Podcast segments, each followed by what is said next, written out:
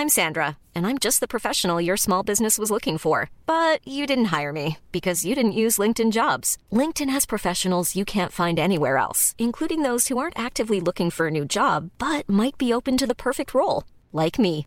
In a given month, over 70% of LinkedIn users don't visit other leading job sites. So if you're not looking on LinkedIn, you'll miss out on great candidates like Sandra. Start hiring professionals like a professional. Post your free job on linkedin.com/people today. Hey, it's Ryan Reynolds, and I'm here with Keith, co star of my upcoming film, If, only in theaters, May 17th. Do you want to tell people the big news?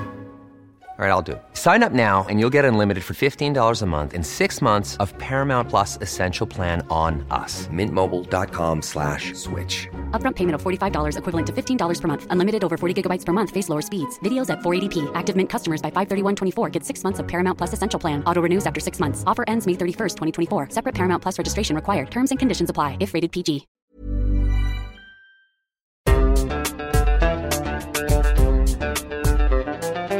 بودكاست صوت.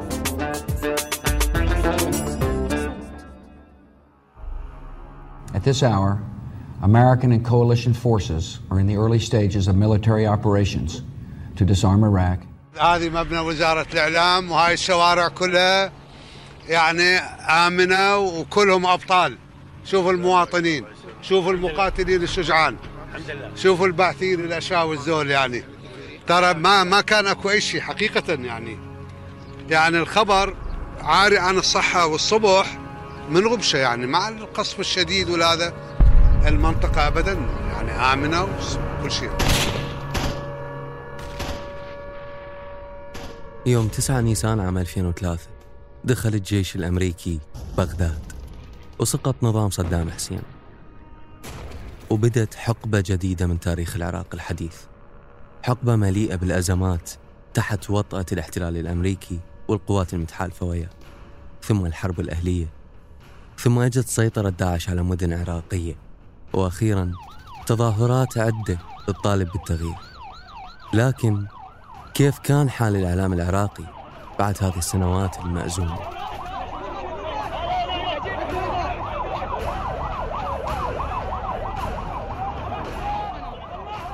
راح أصحبكم في هذه الحلقة أنا الوليد خالد.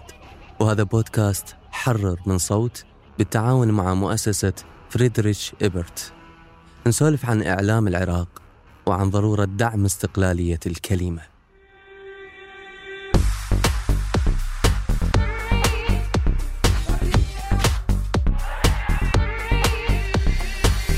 لما يتم ذكر الإعلام العراقي يجي للأذهان مشاهد عدة منها مشهد محمد سعيد الصحاف وزير الإعلام العراقي بنظام البعث بقيادة صدام حسين خلال حرب 2003 الصحاف بأيام الحرب الأخيرة كان ياخذ فرق الصحافة العربية والأجنبية بجولات بمحيط وزارة الإعلام العراقية ويخليهم يصورون الشوارع الخالية من أي أثر لدخول قوات الغزو.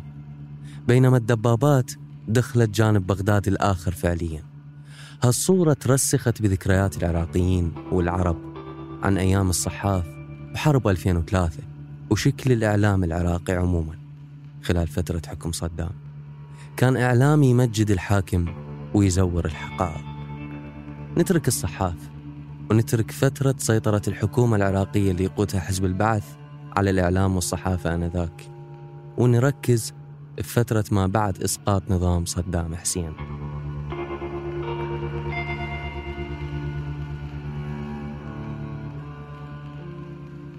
مرت أشهر بعد انهيار النظام أشهر بلا أي تحرك بدون هوية جديدة للإعلام العراقي أشهر ما بها غير حوادث قتل المدنيين على يد القوات المحتلة.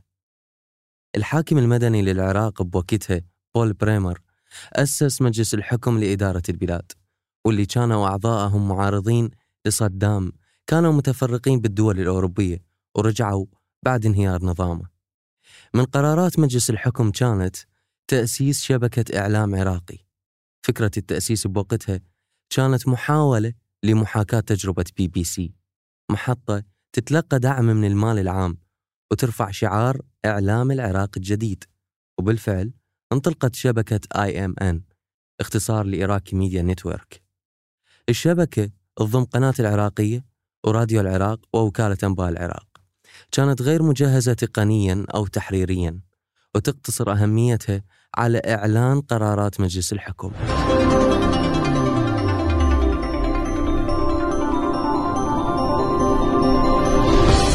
في مشروع هو الأول من نوعه في العراق شبكة الإعلام العراقي.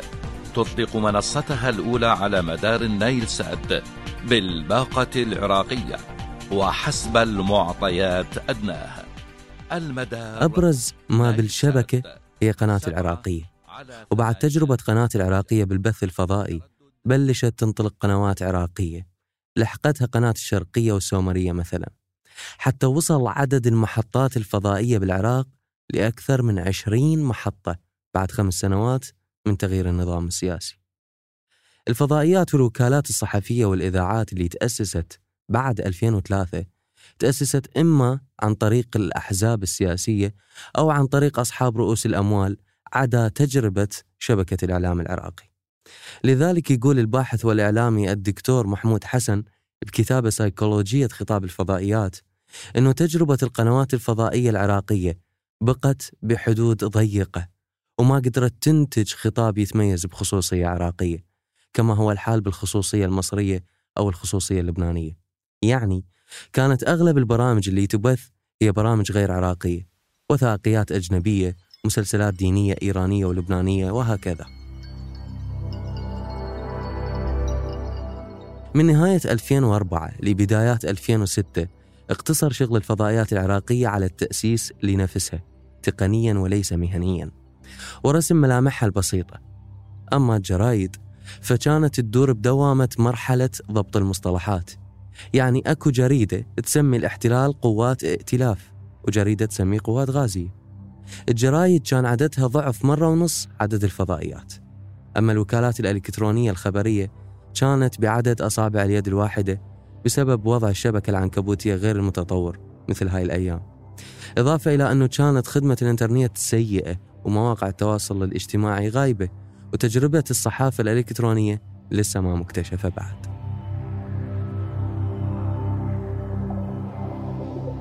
من 2004 إلى 2006 طلعت عشرات القنوات الشيعية تنقل تجربة الشيعة وتاريخهم وتدفع باتجاه أحقية الحكم.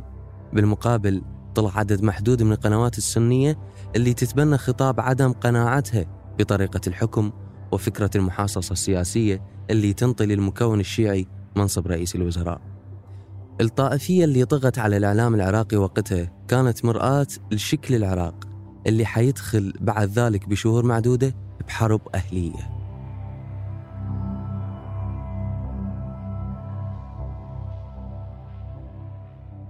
من 2006 لبدايات 2008 فات العراق بمرحلة الاحتقان الطائفي.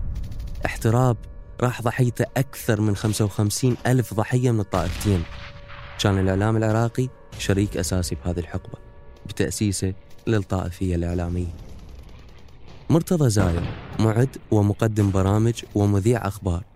اشتغل بقنوات شيعية مختلفة وبعدها بقنوات كردية شبه مستقلة. يقول بهذه السنين ويقصد سنين الطائفية كان صعب الفصل بين الخطاب اللي يحث على الكراهية للآخر وبين الخطاب الفئوي بهذه القنوات. أكيد يعني كان أكو خطاب طائفي بس الخطاب الطائفي يتعكز بشكل أساسي على أصل الخلاف السياسي يعني.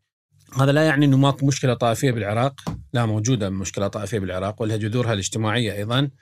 بس آه، آه، كان من الصعب الفصل بين الوحدتين يعني سياسة وطائفة يعني. آه، اللي انشكلت من خلال فترة هي أحزاب أو خطاب طائفي فأكيد الإعلام لعب دوره بهذا المحور يعني. أعرفها نعم أكو مؤسسات إعلامية أعرفها ومؤسسات أيضا أنا أقول أنا أيضا أكو مؤسسات عملت معها بتأسيس لخطاب طائفي. هي أنا أقول أنا ما أبرئها يعني. أكيد بذيك الفترة وقعنا بهوايه أخطاء وتحسب طائفية محتمل يعني بهذا التوقيت هسه حاليا. كان التحدي صعب بأن لا ينزلق الإعلام إلى خطاب طائفي يعني. أنا أشوفه كان يعني من الصعوبة بمكان يعني. بس إذا نريد نوضحها بهذا ال line الآن اللي هو إي طبعا آه، عملت مع بعض المؤسسات اللي هي ما أظن إنها تفكر بإطار طائفي 100% ولكن آه، هي وقعت في بعض المحظورات. نتيجة تشنج الجو وصعود قوة طائفية جديدة آه، بالطرفين. وأكيد على مستوى الشارع كان معروف الوضع إنه الخوف آه، هائل من الطرف الآخر بين السنة والشيعة تحديدا. منتظر ناصر صحفي مستقل. ويشغل حاليا رئيس تحرير صحيفة العالم الجديد المستقله. يتفق مع فكرة الشحن الطائفي للإعلام العراقي لكنه ما يبرئ ساحة الإعلام العربي من الخطاب الطائفي بعض المواقع والقنوات العربية اللي تناولت قضايا العراق بشكل طائفي وكانت بمثابة وقود إضافي لجرائم الكراهية كان هناك أيضا وسائل إعلام عربية ساهمت بنقل هذا الشحن الطائفي إلى المتلقي والمشاهد العربي أيضا. طبعا العراقي أكيد ولكن العربي أيضا الذي شحن بطريقة أو ما وكل الوضع كان ملتهبا في تلك الفترة. يعني حتى حصلت انعطافة جديدة في آه، آه، ربما الخطاب الإعلامي وبعد ثورات الربيع العربي في 2011 والتي شهدت أيضا ظهور لأول مرة تظاهرات شعبية أيضا ضد الفساد والنظام كانت لأول مرة أعتقد في 25 شباط 2011 هذا خلق نوع جديد من الخطاب خلق نوع جديد من آه، يعني آه، خصوصا أنه تزامن مع مع انتشار وسائل التواصل الاجتماعي وخصوصا الفيسبوك. ما آه، الأمر اللي ينافس الكثير من وسائل الإعلام التابعة لأحزاب ذات أجندات طائفية وربما جماعات وغير ذلك.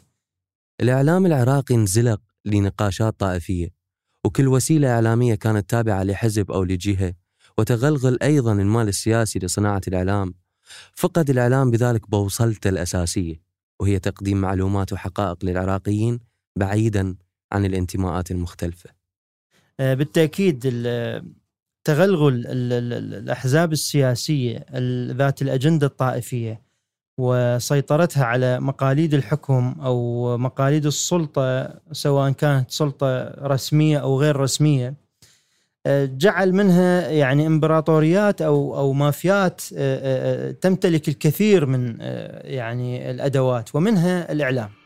منتظر ناصر هو صحفي بشبكة الإعلام العراقي. بنيسان من عام 2016 طلعت للعالم وثائق بنما. هي عبارة عن سبق صحفي ربما يعتبر الأهم خلال السنوات الأخيرة.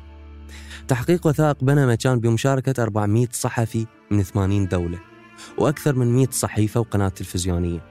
صحفيين من جنسيات مختلفة شاركوا بهذا التحقيق الاستقصائي على ملفات وصل عددها أكثر من 11 مليون وثيقة. تسربت من شركة موساك فانيسكا. تحقيقات الوثائق كشفت تورط رؤساء دول وشخصيات عامة بالملاذات الضريبية. من ضمنهم مثلا رئيس الوزراء العراقي الأسبق إياد علاوي والرئيس المصري الأسبق محمد حسني مبارك والرئيس السوري بشار الأسد ومعمر القذافي وغيرهم. منتظر كان أحد الصحفيين العرب اللي شاركوا بهذا التحقيق الاستقصائي. وبمجرد ما تم نشر وثائق بنما تم إصدار قرار بإنهاء عمله من شبكة الإعلام العراقي من قبل إدارته. منتظر ناصر يعتبر جريدة العالم الجديد اللي يرأس تحريرها هي الجدار الأخير للصحافة المستقلة بالعراق. ربما آه، دعني آه، آه، يعني أبالغ قليلا حين أقول أن العالم الجديد الصحيفة التي يعني أرأس تحريرها الآن أنا أعتبرها الجدار الأخير في الصحافة المستقلة. ليست الأخير بهذا المعنى لكن هناك أيضا محاولات جديرة بالإحترام. لا أريد أن أسمي الأسماء الأخرى التي لست مسؤولا عما تنشر ولكن أيضا هناك تجارب مهمة في آه، آه، في ترسيخ الصحافة المستقلة. لكن حين تسألني عن عن المناخ الذي تتنفس فيه هذه الصحافة المستقلة أقول أقول لك بصراحة أن المناخ غير صحي. آه، نحن نمر بأسوأ حالات يعني تكميم الأفواه وقمع الحريات الصحفية والحريات العامة منذ 2003 ولغاية اليوم رغم انحسار آه، يعني حالة الإرهاب آه، والقتل العشوائي اليومي الذي كانت تشهده بغداد والمحافظات الأخرى. من سأل الضيف الآخر مرتضى زاير عن الاختلاف اللي صار بعمله من ناحية مهنية من انتقل من العمل من وكالة وقناة تابعة لجهة سياسية إلى منصة إعلامية مستقلة أعلن تحفظه بشكل صريح على مفردة مستقلة هي ماكو شيء مستقل يعني لحد الآن. ومن الصعب بمكان وجود استقلال.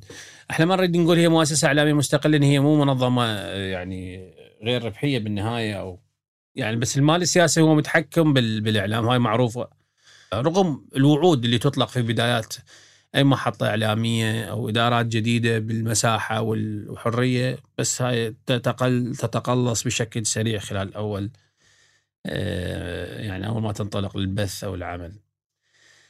آه، يعني هو هو صعب بس أنا أقول لك اللي الصعيد المهني إنه العمل في مؤسسات خلينا نقول آه، إعلامية بها مساحة ما أقدر أقول مستقلة. لحد اليوم القوانين اللي كانت تحكم الإعلام ما قبل 2003 بالعراق يعني قوانين حزب البعث بالنظام السابق بعدها سارية المفعول. حتى القوانين اللي أصدرها الحاكم المدني بول بريمر وهي الأمر 65 واللي بموجبه تأسست الهيئة الوطنية للاتصالات والإعلام لتنظيم البث الإذاعي والأمر 66 والمتضمن إصدار صحيفة يومية وإذاعة ومحطة تلفزيونية. هذه الأمور بعدها سارية المفعول. وماكو أي نص قانوني جديد شرع مجلس النواب العراقي يخص الإعلام العراقي. باستثناء المادة 38 من الدستور العراقي اللي ترسم الإطار التشريعي بشكل عام بس ما تدخل بالتفاصيل اللي تساعد وسائل الإعلام بإيجاد ملامح إلها وتدعم استقلالية كلمتها. يعني لا توجد هناك آه، قوانين آه، آه، تنشئ أو أو تنمي مثل هذا النوع من الصحافة، نحن ليس لدينا آه، قانون حق الحصول على المعلومة رغم مطالباتنا لسنوات عديدة حول هذا الموضوع، ليس لدينا قانون آه، يعني يحصن الصحفي من الملاحقات القانونية التي يمكن أن تطاله أن تطاله في آه، في ظل وجود قوانين لا زالت سارية. هي منذ منذ قانون العقوبات منذ سن قانون العقوبات لعام ألف ألف عفوا 1969 يوم آه، كان للعراق جريدتان وقناة تلفزيونية واحدة. آه، بصراحة أصبحت هذه القوانين بالية وعلى مجلس النواب الحالي والقادم أن ينظر في آه، مثل هذه القوانين ويعيد تشريعها ويعيد النظر فيها. بينما ضيفي الصحفي مرتضى زاير يرد على سؤال إنه شنو ينقص إعلام العراق اليوم؟ ينقصه هواي يعني كلش هواي نقصه يعني كثير ينقصه على مستوى تدريب الإعداد. يعني إحنا بفترة 2003 لحد تقريبا آه، أنا كنت معاصر لتخريج جيلين من من الصحفيين الممتازين. هم بس هم مع ذلك ينعدون على عدد الأصابع. يعني غالبيتهم اليوم إذا أريد أستحضرهم هم يا أما آه، تركوا المهنة ويعني راحوا في مكانات أخرى يعني شافوا ما بها نتيجة.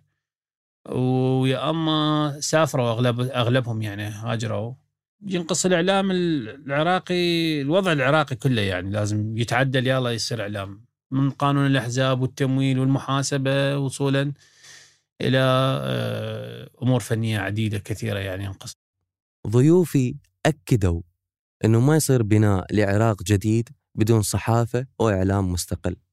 هالشيء صعب جدا بس مو مستحيل. سألناهم هل هناك فرصة لتوفير منصات إعلام مستقل للعراقيين؟ هل من الممكن تصحيح مسار شبكة الإعلام العراقي واللي تتلقى أموالها من جيوب العراقيين حتى تقدم إعلام مهني للبلد؟ يرد ضيفي منتظر ناصر. يعني شبكة الإعلام العراقي أولا هي منذ اليوم الأول لتأسيسها هي لم تكن خارج الحسابات السياسية أو الأجندة الحزبية يعني آه، كل كل حكومة تأتي أو رئيس حكومة تجد آه، يعني آه، للأسف شبكة الإعلام آه، منساقة لخطابه ويعني تصبح بوقا لترديد لترديد خطابات الحكومة أو الأحزاب المشاركة في الحكومة، هذا من جانب. من جانب آخر هناك يتعلق يتعلق بشبكة الإعلام ما يتعلق بجميع دوائر الدولة التي تعاني اليوم من الترهل الوظيفي وتعاني من آه، الروتين والبيروقراطية ال- ال- الكبيرة. وهذه ال- ال- الوظيفية المترهلة أفسدت ال- الوزارات والدوائر العراقية بشكل آه، يمكن أن أقول آه، بنسبة 95% من الدوائر آه، أصبحت مثقلة. بملفات الفساد والترهل الوظيفي والفشل الإداري وما يلحق بالدوائر الحكومية يلحق بشبكة الإعلام العراقي آه، وربما آه، الشبكة يعني بشكل أوضح لأن فيها الكثير من الأموال والكثير من الموظفين الذين لا حاجة لهم يعني للشبكه بهم يعني. فلذلك فشلت هذه التجربة. وسط كل هذه الفوضى والتخبط اللي يعيشه واقع الإعلام بالعراق. ظهرت أجيال بعد 2003 من الشباب الصحفيين المجتهدين. كانت بصماتهم واضحة بوكالات عربية وأجنبية. يعني بالنهاية ممكن أن تكون المؤسسات المعنية بتخريج الصحفيين غير مقصرة. لكن غياب المال غير التابع لجهة سياسية وبالتالي غياب المؤسسات الإعلامية المستقلة هو السبب بعدم وجود منصات تكتب وتنتج صحافة مهنية للعراقيين. صحافة تقدر تواجه هذا العدد الهائل من الصحافة الحزبية صاحبة الأجندات الخاصة. أنتجنا هذه الحلقة من العراق لبودكاست حرر بالتعاون مع مؤسسة فريدريش إبرت العراق. كنا معكم من الإعداد والكتابة والتقديم الوليد خالد. تحرير عزة جرجس. الهندسة الصوتية تيسير قباني. والنشر والترويج مرام النبالي وبيان حبيب. بودكاست حرر من إنتاج صوت.